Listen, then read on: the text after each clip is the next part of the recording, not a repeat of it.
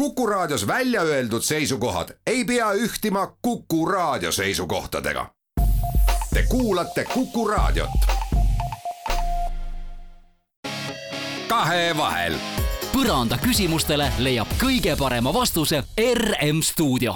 head Kuku raadio kuulajad, Kahevahel saade alustab ja täna on äh, Timo Tarve ja Madis Kimmeli vahel äh, peaminister Kaja Kallas. tere! tere! Kaja, te olete kahtlemata olnud ka juba põhiseadus ütleb ära nii-öelda kaasaja täitevvõimu esindajana Eesti rahva suunamudija, andke see võrdlus andeks. Te saite peaministriks enam-vähem üksteist kuud tagasi, kahekümne kuuendal jaanuaril andsite vande, on see olnud teie elu pikim aasta? See on naljakas küsimus selles suhtes, et, et mul tihti juhtub selliseid olukordi, kus, kus ma hakkan nagu ütlema, et, et vaat, et see oli see paar nädalat tagasi, siis keegi ütleb, et ei, et see oli nagu umbes viis päeva tagasi või noh, et, et, et pidevalt see ajamääratlus tundub kuidagi äh, selline ajas ujuv, sellepärast et, et noh, juhtub nii palju, päevad on nii pikad, et tegelikult tundub, et et on olnud, oldud palju pikem aeg. meil oli esmaspäeval äh, valitsuse jõuluõhtusöök ja siis ähm, rääkisime noh ka kriisidest ja siis Jaak Aab äh, ütles, et, et noh, et kui teile tundub see aasta pikk, et noh, me oleme selles kriisis olnud nüüd juba kaks aastat, et see tundub nagu kümme, sest tõesti pidevalt on sellist pidevalt toimub nii palju, pidevalt peab äh, kriisis toimetama hästi suure pinge all ja, ja pidevalt tuleb otsustada. kaks tuhat kakskümmend üks aasta ei ole ilmselt mitte ühegi poliitiku jaoks olnud äh, lihtne, seda enam valitsuses olles ja, ja kõiki neid kriise, mis, mis meid justkui korraga on tabanud, need nuhtlused me saame täna üle käia, aga kui me läheme selle aasta algusesse tagasi, siis märksõna Porto Franco on see, mis Äh, nii-öelda eelmise valitsuse alla tõi, aga, aga keeled rääkisid, et äh, nii-öelda sellest EKRE-ikke nõndanimetatud valitsusest pääsemist soovis vähemasti üks erakond juba, juba palju varem. kas need öised kõnelused, kõned ja, ja, ja sõnumid olid tegelikult enne seda Porto Francot juba? Suhtlus oli küll just sellepärast, et tõesti, nagu te väga tabavalt ütlete, ehm, kui me mõtleme aasta aja peale tagasi, siis sisuliselt iga nädal oli uus skandaal või heal juhul iga kahe nädala tagant oli uus skandaal. Ehm, küll solvati naaberriigi peaministrit, küll mindi kallale äh, Ameerika Ühendriikide valimiste, valimistele ja seati need kahtluse alla. Ehm, noh, neid, neid skandaale ja skandaali paarikesi oli lihtsalt niivõrd palju, et tõepoolest Keskerakonna inimestel, kui nendega suhelda, siis hakkas see karikas ikkagi väga täis saama. ja, ja see karikas hakkas äh, natuke üle ajama, et kui lugeja kiri äh, vist tegi nalja, et vahetati lihtsalt suurema karika vastu, siis mingil hetkel saavad ka suured karikad täis ühena esimestest otsustest otsustas teie juhitud valitsus ühtlustada toona kehtinud Covid-19 piiranguid üle kogu Eesti. Covid oli üsna laes ka toona ja siis kui mäletate, see on küll ammune aeg, need olid peamiselt siis kõrtsid meelelahutusasutused, mis pidid lahti olema kella kahekümne üheni ja seal oli ka viiekümne protsendi täituvuse piirangu nõue. Covid on jäänud siis selle aasta märksõnaks ja ma ei kujuta ette, palju neid otsuseid on olnud, võib-olla keegi loeb neid kokku ka, aga iga otsuse taga või kuidas te olete nende otsusteni jõudnud, mida te olete konkreetselt langetanud tulekahju kustutades? Esiteks on meil teadusnõukoda, kellega me oleme pidanud nõu ja kes on andnud äh, siis oma arvamused, äh, Terviseamet, äh, siis aga teine pool on ka see ühiskonnaelu korralduse pool, mida võib-olla teadusnõukoja, nõukoda ei suuda hinnata, et kuidas üks või teine asi ühiskonnas ka mõjub ja, ja kuidas ta vastu resoneerib, et kuidas panna inimesed ikkagi koos töötama. kui me alustasime, siis ma väga püüdsin siis rääkida ikkagi sellest, et see viirus levib inimeselt inimesele, see tähendab seda, et inimesed saavad selle viiruse käiku mõjutada ja muuta, et ükskõik, mis otsuseid valitsus teeb, kui inimesed neist kinni ei pea, siis see ikkagi viirusele ei mõju. ja, ja et see on inimeste vastutustunne, et, et kui restoranid on lahti, aga inimesed käituvad vastutustundlikult, siis, siis ei tohiks olla probleemi ja et noh, et see on kuristiku kohal kõndimine, et kui sa lähed ühele poole, siis, siis haiglad on ülekoormatud, kui sa lähed teisele poole, siis on tegelikult suur äh, frustratsioon ühiskonnas ja, ja väga suured kahjud ja nähtamatud ohvrid, et nähtamatutest ohvritest ma olen rääkinud palju, aga see on just see, et inimestele meeldib kaasa tunda ohvritele, keda nad näevad. Nad näevad neid haiglate ees olevaid kiirabijärjekordi, aga nad ei näe neid inimesi, kes kaotavad töö tänu sellele, et ühiskond läheb kinni või kes vaimse tervisega on kimpus, sest et need ei ole sellised ohvrid, keda sa igapäevaselt, päevaselt näed, ometi on ka nemad olemas või lapsed Äh, kes, kelle haridustee kannatab ja ja, ja vaikselt me tegelikult üle selle aasta kogu aeg sellest rääkides, et, et see on inimeste vastutustunne, kuidas inimesed käituvad. mina tunnen küll, et, et see on läinud palju paremaks, noh, ma, ma toon sellise näite, et et noh, tegelikult kui see omikron hakkas levima ja, ja me ütlesime ka, et et, et noh, me ei tea, mis see, mis see toob ja, ja nüüd on need jõulupeod, aga võib-olla ei ole neid mõistlik pidada, siis me ei teinud ju, ega me ei keelanud ära, aga väga paljud jätsid need peod ära lihtsalt sellepärast, et see on, on mõistlik, sest et mulle tundub, et ka kogu ühiskond tahab olla lahti ja saadakse aru, et see on tegelikult iga ühiskonnaliikme käitumine, mis hoiab seda ühiskonda lahti. kas ma mäletan õigesti, et aastasse kaks tuhat kakskümmend üks jääb ka teie enda läbipõdemine kuidas teil läks? see tundub see juba aeg? väga kauge, aga, aga see on huvitav haigus selles mõttes, et mul ei olnud ta kõige kergem, aga ma ei sattunud ka haiglasse, et selles mõttes läks mul palju paremini kui kõikidel neil, kes ikkagi haiglas on. aga, aga samas selles mõttes on see kummaline, et, et haigustega üldiselt on justkui nii, et sul läheb halvemaks, halvemaks, halvemaks ja siis hakkab minema paremaks ja siis läheb nagu kogu aeg paremaks, kuni sa saad terveks. aga vot selle haigusega oli nii, et, et nüüd oli tunne, et läheb juba paremaks ja siis läks, kukkus jälle täiesti, et noh, et see ei olnud, see oli täis kuidagi nii ootamatusi ja ja, ja noh, ma mäletan seda ühte hommikut alguses ma olin väga õnnelik, et noh, arst küsib ka, et kas maitset tunned, lõhna tunned, oi, kõike tunnen, kõik ja ja siis, kuidas äh, mul oli hirmus isu oli selle juustuga keeduvorsti vastu ja siis, ja siis mul see oli kõik, ma mõtlesin hommikul, kuidas ma teen endale võileiva selle juustuga vorstiga. Teen selle võileiva ja teen teed. Äh, ja, ja noh, mõtlen, et huvitav, kas ma seda teed kuidagi hoidsin vähe, et ei tunne üldse lõhna ja valasin ära, tegin uue. Äh, et noh, et tegin liiga nõrga ja siis hammustasin seda vorsti võileiba peale nagu saeporu sööd ja siis sain aru, et ahah, et mul vist nüüd on maitse ja lõhn läinud ja see oli väga veider, veider kogemus, aga, aga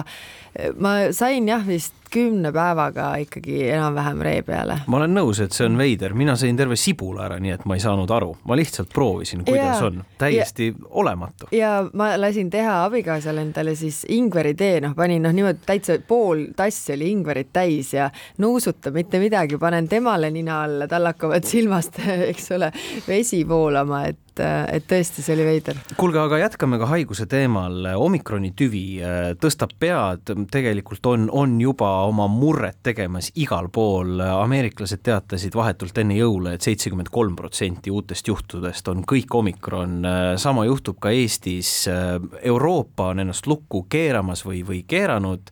mida meie ootame? meie esiteks liigume natuke teistsuguses laines, kui liiguvad Euroopa riigid ja, ja ühest küljest on see eh, hea, et me näeme tegelikult, mis Euroopas varasemalt juhtub, et me saame siis sellest lähtuvalt teha oma samme meie eesmärk on olnud hoida ühiskonda äh, lahti ja lapsed koolis ja tõesti, me oleme selle jaoks teinud väga palju pingutusi. Äh, et ühiskonna kinnipanemisega, kui sellega ei kaasne vaktsineerimise tõusu, on see efekt, et et, et kui sa lahti teed, siis kõik kordub taas. jah, see omikron tüvi levib palju kiiremini kui delta tüvi, mis juba levis palju kiiremini kui briti tüvi. ja, ja see on problemaatiline, aga millele mul endiselt ei ole vastust,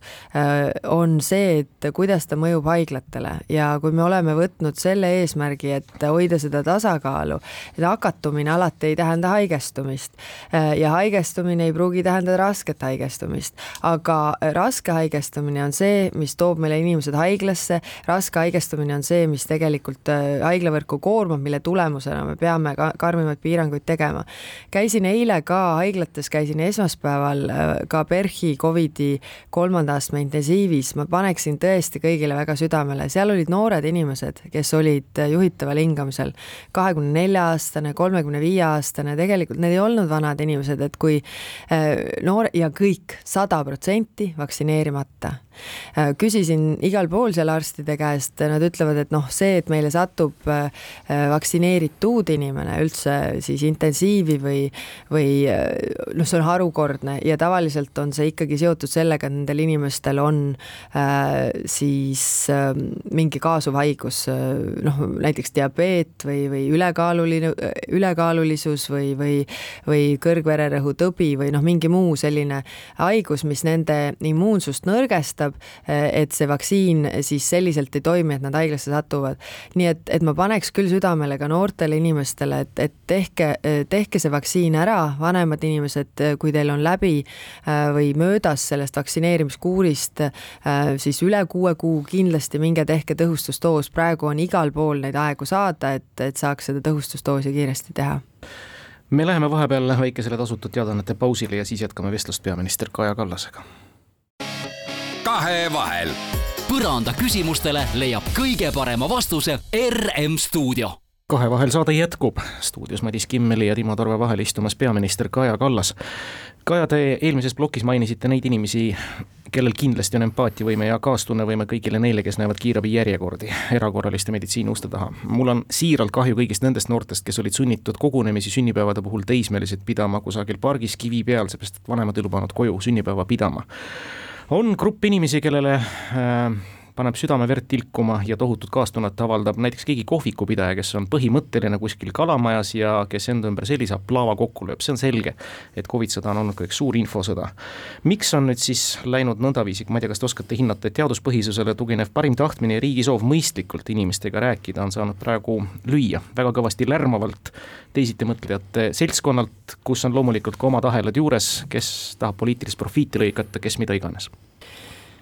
ma siin aastaid tagasi lugesin ühte raamatut äh, Moises Naim Võimu lõpp kus ta kirjeldab seda, kuidas tänapäeval on väikesed grupid, kes suudavad suuri protsesse võtta pantvangi, nad on reeglina, nad on väga lärmakad, nad on väga öö, osavad pildikeele kasutamises, nad on alati millegi vastu, nad ei ole kunagi millegi poolt, aga, aga nad suudavad jätta mulje, et, et neid on palju, tegelikult ei ole.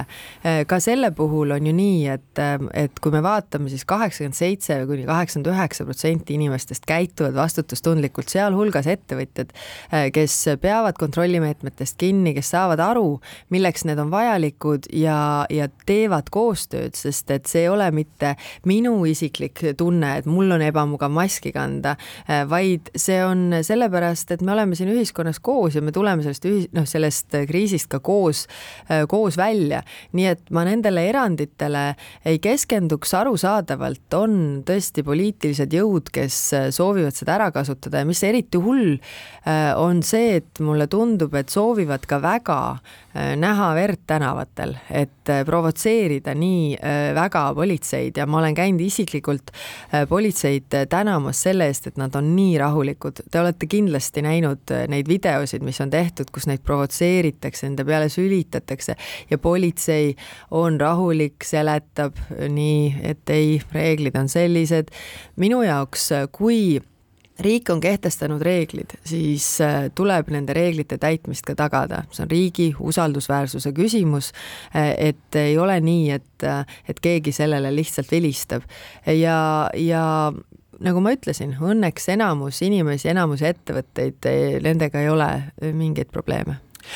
ma olen olnud äh, kriitiline, olen jätkuvalt kriitiline selles osas, et äh, Eestis on ainult kuuskümmend protsenti elanikest äh, vaktsineeritud.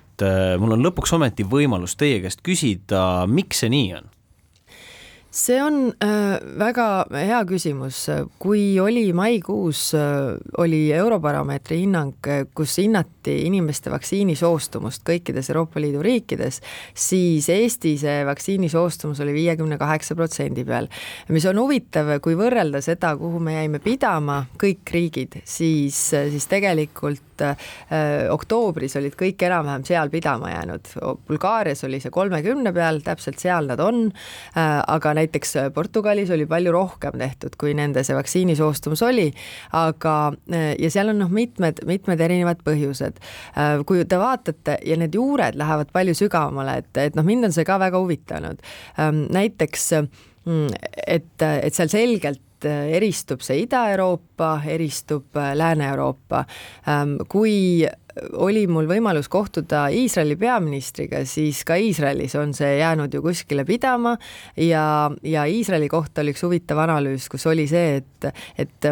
et et kuna Iisraeli on tulnud väga palju nõukogude taustaga inimesi, nad on harjunud mitte usaldama riiki, kui riik ütleb, et vaktsineeri, siis nemad ei vaktsineeri.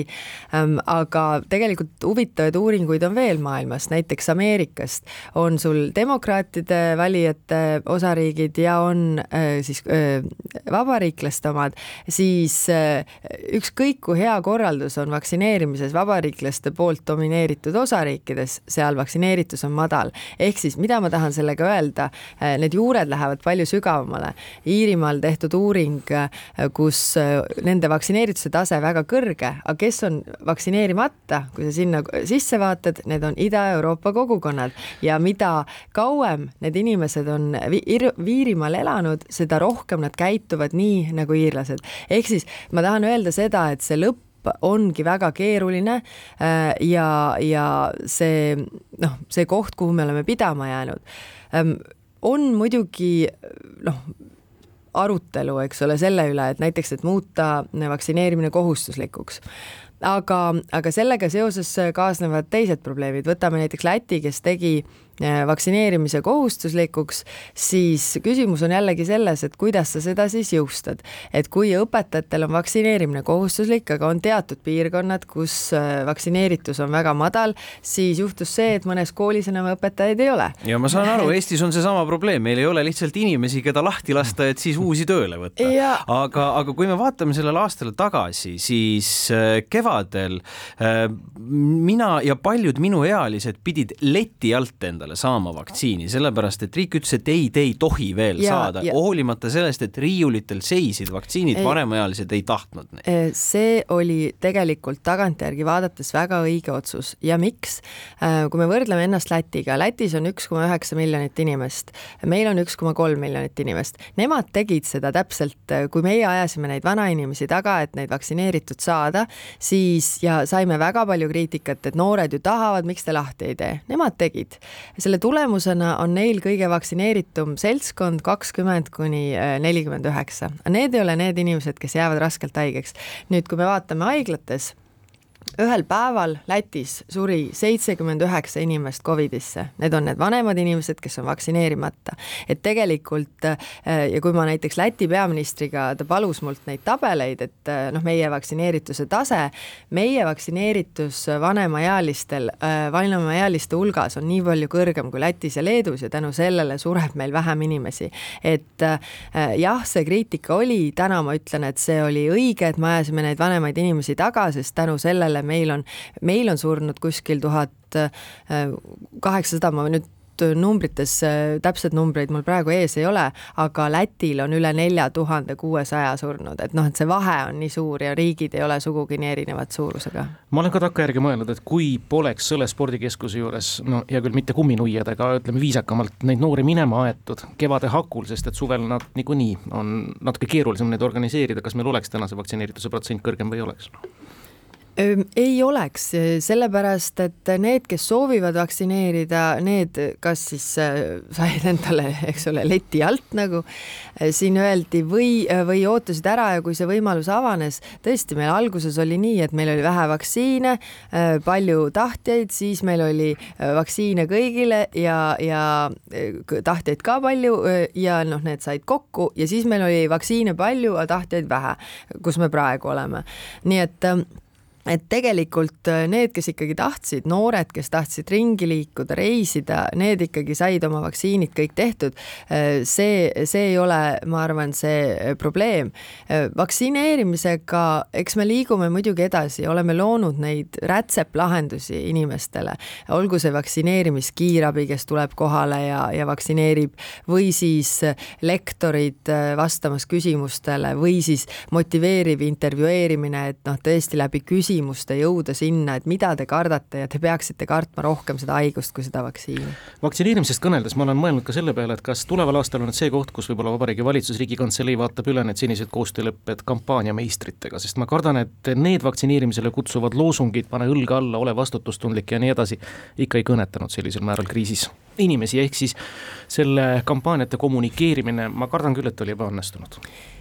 see on, eks ta on nii ja naa, et, et mina ei ole mingi kommunikatsiooniekspert ega spetsialist, aga, aga tõsi ta on, et see ka ajas muutub, et kui sul, kui sul on see sihtrühm on, on muutunud, kui sul on jäänud need inimesed, kes, kes vajavad täiendavat veenmist, kellel on hirmud, siis, siis see pane õlg alla võib-olla ei tööta ähm,. aga, aga jah, ma, ma ei oska konkreetselt neid asju nii hinnata, sest tõesti mina detailides nende Äh, kommunikatsiooni või kampaaniatega äh, tegelenud ei ole ja, ja mul puudub ka vastav haridus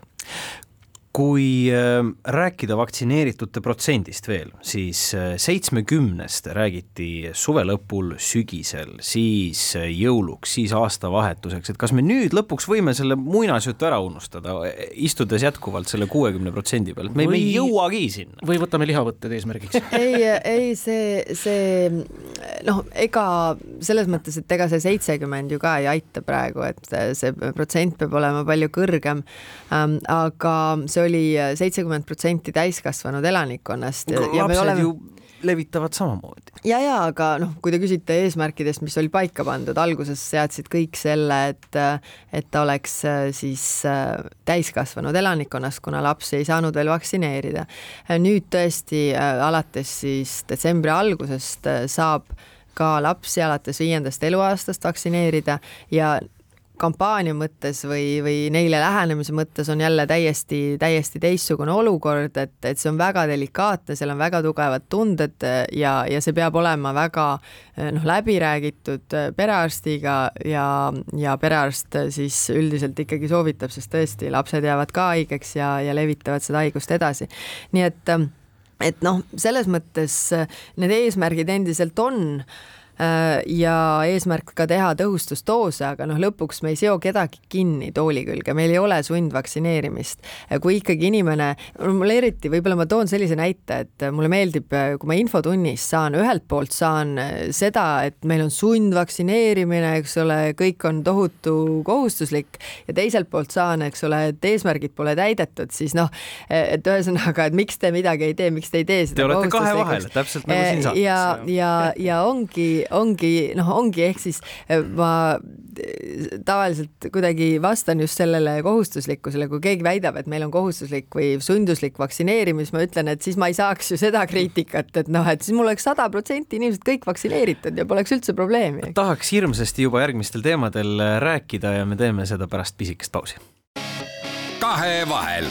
põranda küsimustele leiab kõige parema vastuse RM stuudio aastalõpu kahe vahel Kuku raadios jätkub, Timo Tarve ja Madis Kimmeli vahel istub eh, Kaja Kallas, Eesti Vabariigi peaminister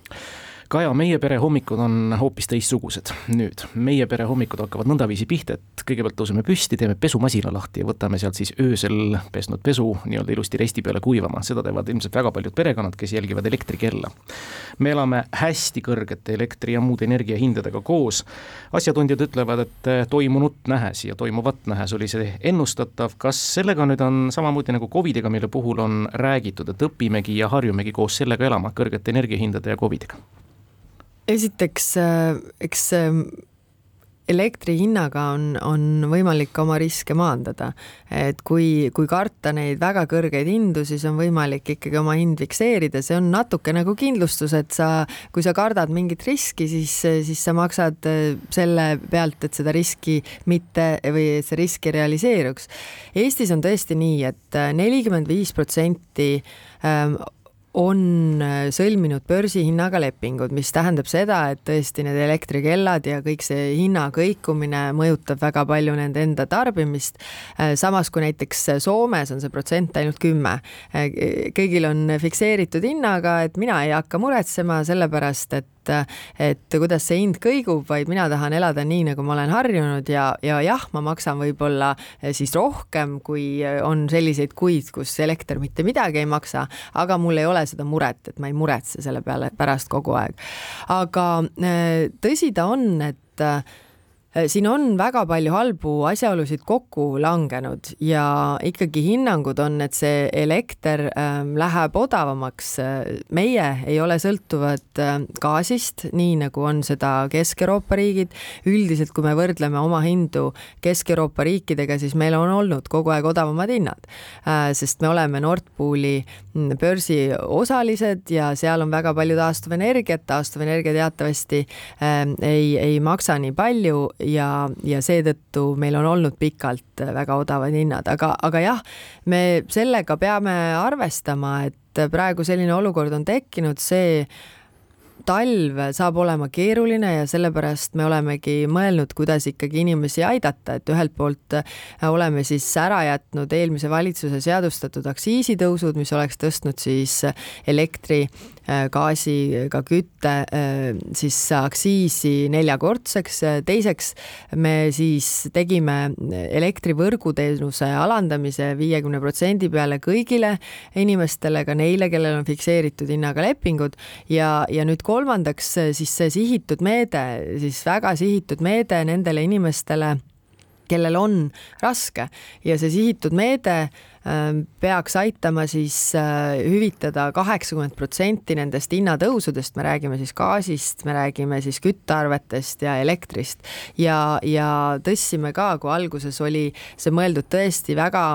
suures abivajaduses olevatele inimestele, siis nüüd me tõstsime seda piiri tegelikult üheteist kuu mediaani peale, ehk siis sellest peaksid saama abi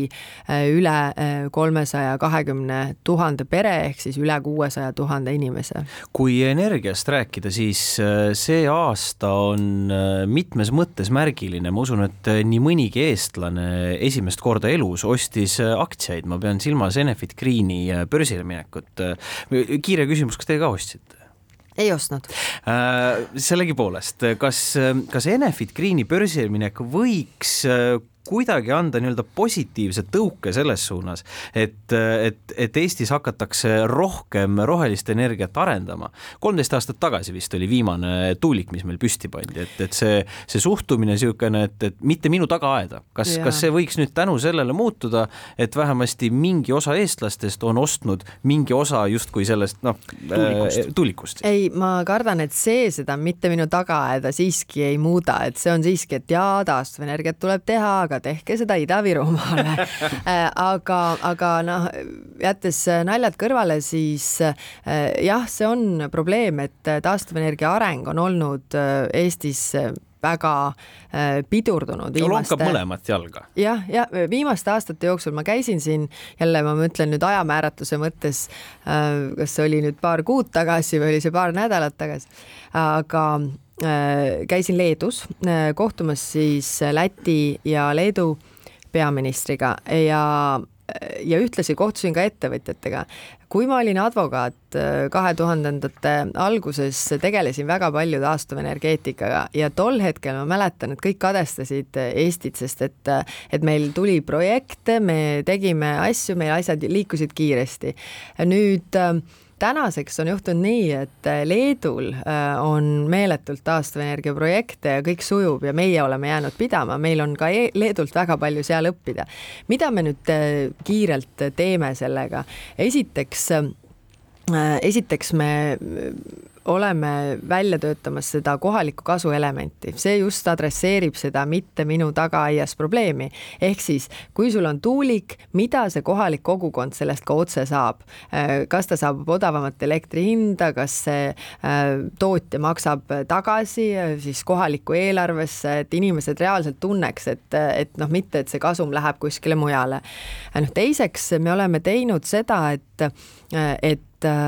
riigi, et hankida nii-öelda paketis riigile roheenergiat. miks see on oluline, sest nendele investeerijatele ei olegi see toetus saga, sageli oluline, vaid on see oluline, et mul on klient ma tean, et ma saan seda oma eh, energiat müüa, kui ma selle investeeringu teen. Eh, ja see toob mulle tagasi. Eh, ja, ja selliseid hankeid me teeme. nüüd on terve rida selliseid juba olemasolevaid projekte, mis ühe või teise põhjuse taga seisavad ja me ka tegeleme nende põhjustega, et need põhjused kõrvaldada, et need projektid saaksid turule tulla. ja, ja viimaseks, mida ma võib-olla ära mainin, on ikkagi need meretuulepargid ehk siis meretuulepargid tuuleparkide planeeringud, et äh, merealad, kuhu sa saad seda tuuleparki rajada, kus on kalade alad, kuhu sa seda ei saa või noh, traalialad ja, ja, ja selliselt oleks ka aru saada ja siis pannakse need osad oksjonitele, et ei ole seda vaidlust enam, ei teki seda tõrget, et noh, et seda, ma ei tea, keskkonnamõju hindamist teeb mingi ettevõtja, järelikult tal on oma huvi, järelikult ta on kohe justkui, justkui nagu paha, riik teeb selle asja ära, ütleb siia võite rajada meretuulepargi, tuld, eks ole, teeme äh, nagu ähm, siis enampakkumise selle peale. Ja, ja, ja arendame ka koos Lätiga ühist äh, meretuuleparki Liivi Liivi lahte jaa, seda viimast muide ma tean, kes hakkab ehitama, ma juhtumisi olin sellesama ettevõtte laeva peal Estonia hukupaigal ja nad ootavad seda tuldsignaali kohe, nad on siiapoole sülitades teel. kuulge, kui tõsine kitkumine nende toetusmeetmetega abivajajatele siis ikkagi valitsuses oli? gaasitasu või gaasivõrgutasu nulli viimine tundub vähemasti, tuli sealt välja kompromissina, aga kas oli asi tõesti nii halb, et valitsus hakkas katki minema? Meil olid äh, tõsised vaidlused. Äh, mina olen seisukohal, et äh, kui me jaotame kõigile natuke, siis me tegelikult ei aita neid, kellel on päriselt abi vaja, sest riigi rahakott on piiratud, see ei ole nii, et, et see raha tuleb kuskilt seina seest ja me muudkui võtame seda. ei, see raha tuleb maksumaksja taskust. jah, me kasutame antud juhul CO2 ülelaekuvat tulu, aga ka see on meil ju planeeritud muude asjade peale.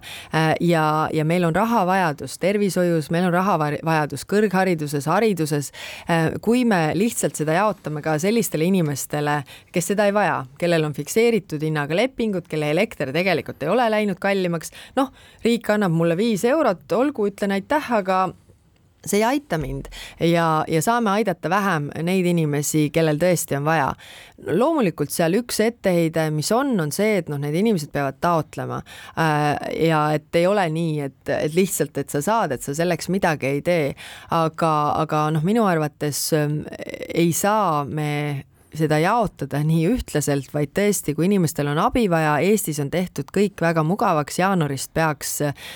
siis tööle hakkama ka äh, see elektrooniline taotlemine, ehk siis äh, see ei ole kuidagi, sa täidad need avaldused ja kui sul on abi vaja, siis noh, riik antud juhul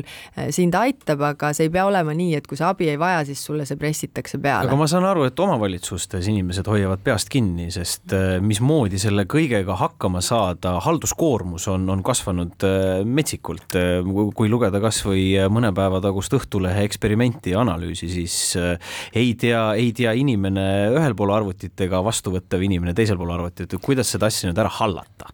see, äh, selle peale me oleme mõelnud ja sellepärast me koos selle meetmega tegelikult eraldasime ka kohalikele omavalitsustele päris suure äh, rahasumma, et nende selle halduskoormusega toime tulla, et võtta tööle siis inimesi, kes sellega äh, tegelevad. see paari päeva tagune on seotud sellega, et tegelikult see meede ei olnud veel paigas ja sellepärast küsimusi ühelt poolt oli palju ja vastuseid teiselt poolt ei olnud. ja selle eest loomulikult vabandused, aga ma tahan tahan öelda, et äh, algus läheb kindlasti konarlikult ja, ja seal tuleb äh, takistusi, aga soov on see, et see oleks võimalikult lihtne, et seda oleks võimalik teha elektrooniliselt ja kõik asjad, mis äh, ikkagi ähm, kui elatakse sisse, hakkavad tööle. Ja mina usun küll ka Eesti kohalikesse omavalitsustesse, kes tegelikult on väga operatiivsed, innovaatilised ja, ja, ja küll, küll saab hakkama. Me läheme siinkohal taas kord pausile, viimane veerand on peaminister Kaja Kallasega meid ees ootamas. kahevahel põranda küsimustele leiab kõige parema vastuse RM stuudio kuku raadio saade Kahevahel, aastalõpusaade koos peaminister Kaja Kallasega, küsijad on Madis Kimmel ja Timo Torve.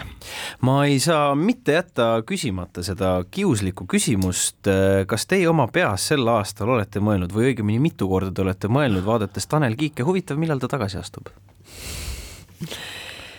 Äh, ja äh, see, seda küsimust ju küsitakse palju, aga äh,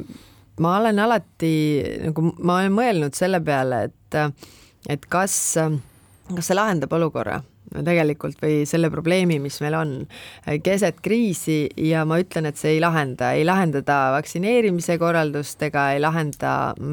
siis haiglate, haiglate probleeme, et, et see jah, ei ole praegu aktuaalne Tanel Kiige erakonnakaaslased asusid teie vastu nii-öelda avalikku sõtta, kasutades relvana siis Riigikogu poliitilise avalduse kõnetooli, kasutades relvana sotsiaalmeediat, kasutades võimalust meilegi helistati, küsiti, kas on väljundi võimalust rääkida natukene sellest, kui kasulik on äh, igasugused meetmed, mis aitaksid leevendada. Öelge, palju teil erakonna sees nüüd kriitikat lisaks sellele väga teadaolevale ja palju läbi nämmutatud Andrus Ansipiga vastasseisule nüüd on? no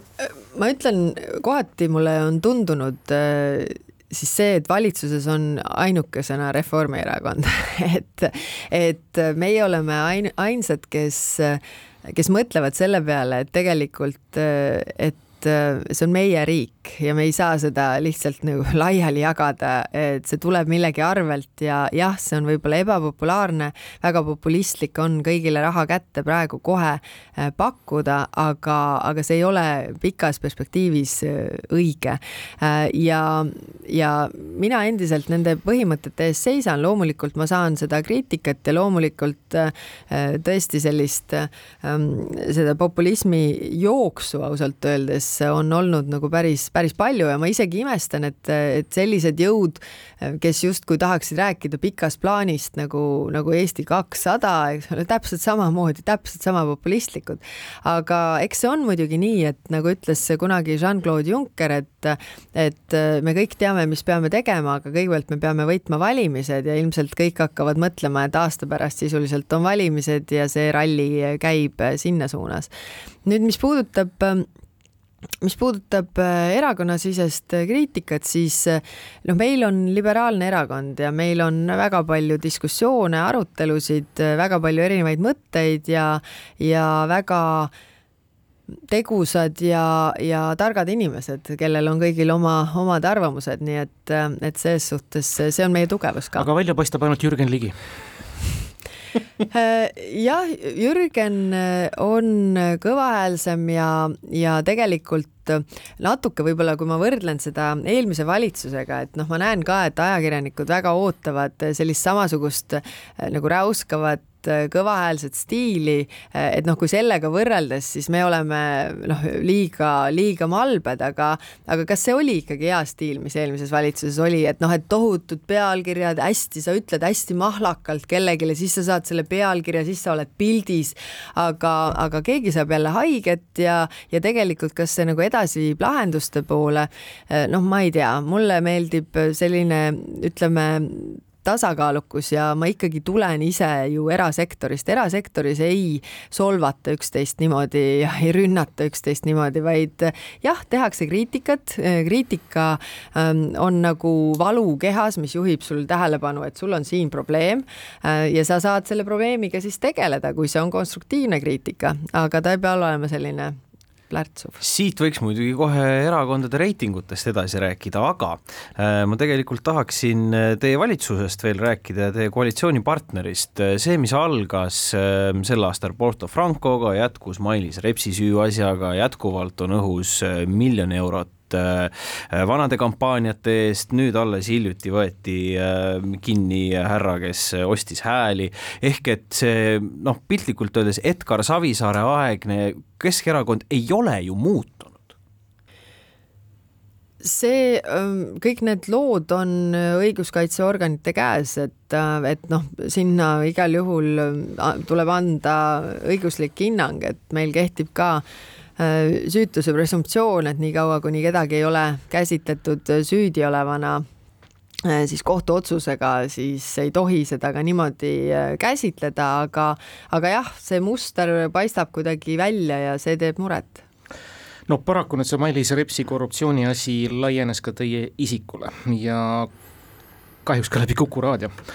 nüüd on teil Paul Kerese kohtusse kaebamiseks sammud astutud või kus faasis te nende asjadega olete? Äh, hagi on sisse antud äkki eelmisel esmaspäeval äh, ja jah, me andsime talle veel, kuna minul on minu nagu puhta või ausa nime taastamine on nagu olulisem kui äh, see rahasumma, siis me andsime ka kaks nädalat aega, et ta saaks need väited ümber lükata, öelda, et see oli vale, mis ta ütles. ja noh, kui ta seda ei tee, siis me nõuame loomulikult ka kahju kahjutasu ja, ja mina ütlen, et selliseid asju ei tohi niimoodi jätta, ta sisuliselt ütleb, et ma olen kriminaalkorras pannud toime kuriteo ja ma ei ole seda teinud. et kunagi lugesin Singapuri pikaajaline peaminister Lee Kuan Yew, tema, kes oli kolmkümmend aastat peaminister, muidugi Singapuri riigikord ja kõik on võib-olla pisut teistsugune, aga tema memuaarid ja tema ütles ka, et kõik sellised väited, et sa mõtled, see on jabur, keegi ju ei usu seda, aga need tuleb maha lüüa ja ma andsin alguses talle võimaluse, et palun, eks ole, lükka ümber kõikides nendes kanalites, et, et see on vale, ma ei ole riigi kulul oma sünnipäeva pidanud aga ta sellest keeldus, äh, siis ei jää mitte midagi muud üle, kui kohtusse hea nimi ikkagi taastada. see viib meid ühe väga-väga põhimõttelise küsimuse ja väga põhimõttelise teemani ehk äh, sõnavabadus versus teatud mõttes ka vihakõne. meil on olemas täna kõik võimalused enda nime puhtaks pesemiseks või, või hea nime säilitamiseks. ometi on teie erakonnal selline minu jaoks väga veider äh, vaade vihakõne suunas, et seda tuleb kuidagi keelata, tuleb ehitada seadus, seadus, mis hakkab inimestele õpetama viisakust. ei ole nii. no on äh,. see on kaks täiesti erinevat asja, üks on vihane kõne, et sa võid minu kohta öelda igasuguseid asju ja keegi ei võta sult seda õigust ära. vaenukõne on see, kus sa õhutad inimesi ülesse. Äh, näiteks meil on, meil on karistusseadustikus ja meil on põhiseaduses äh, tegelikult paragrahv, mis ütleb, et, et selliseid, äh, selline vaenu õhutamine peab olema seadusega keelatud. meil on karistusseadustik, seadustikus paragrahv, mis ütleb, et äh, vaenu õhutamine juhuks, kui keegi reaalselt saab haiget, ehk siis näiteks sina ütled, et pekske naisi. Ma.... see, äh, ma olen üks, üks naine, aga sa oled näiteks väga selline ähm, siis äh, mõjukas arvamusliider. nüüd, kui keegi peksab mõnda naist, siis selle peale või noh, ütleme, võtame võib-olla mingi väiksema grupi, väga sihitud grupi, siis, siis sina ei vastuta mitte millegi eest, et sina oled üles kutsunud, kuulake praegu Varro Vooglaidu, kes ütleb kõikides sõnavõttudes kogu aeg, et tuleks relvi kasutada. ta ütleb seda nii peenelt, et tema ei vastuta millegi eest, aga, aga kui on mingid hullud, kes reaalselt võtavad relva ja tulevad ja lähevad kellelegi kallale, siis, siis keegi saab reaalselt viga. miks me peame ära ootama, kui keegi saab reaalselt viga? ma siiralt loodan, et seda ei tule mitte kunagi. Te ei ole vaadanud sinna sisse, te tegelikult minu meelest selle kohta kirjutas väga hästi ähm, David Sevjov, et miks see vaenukõne on probleem. kui te vaatate ajaloost, kuidas on asjad arenenud, on täpselt nii, et alguses öeldakse, et mingi, kõikides meie probleemides on vot süüdi see inimgrupp. Niimoodi. Ja sealt väga väike samm on sinna, et kui kõikides probleemides on süüdi see väike inimgrupp, järelikult tuleb see väike inimgrupp hävitada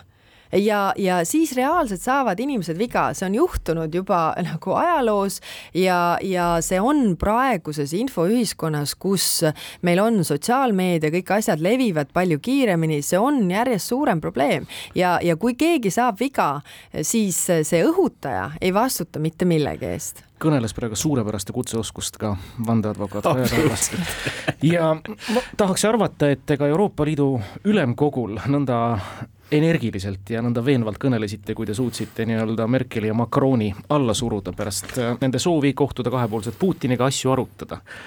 räägime Venemaast ka tänase saate lõpetuseks, kas Venemaa läheb Ukrainale kallale kolmest küljest või mitte tänase teadmise kohaselt? Oh jah,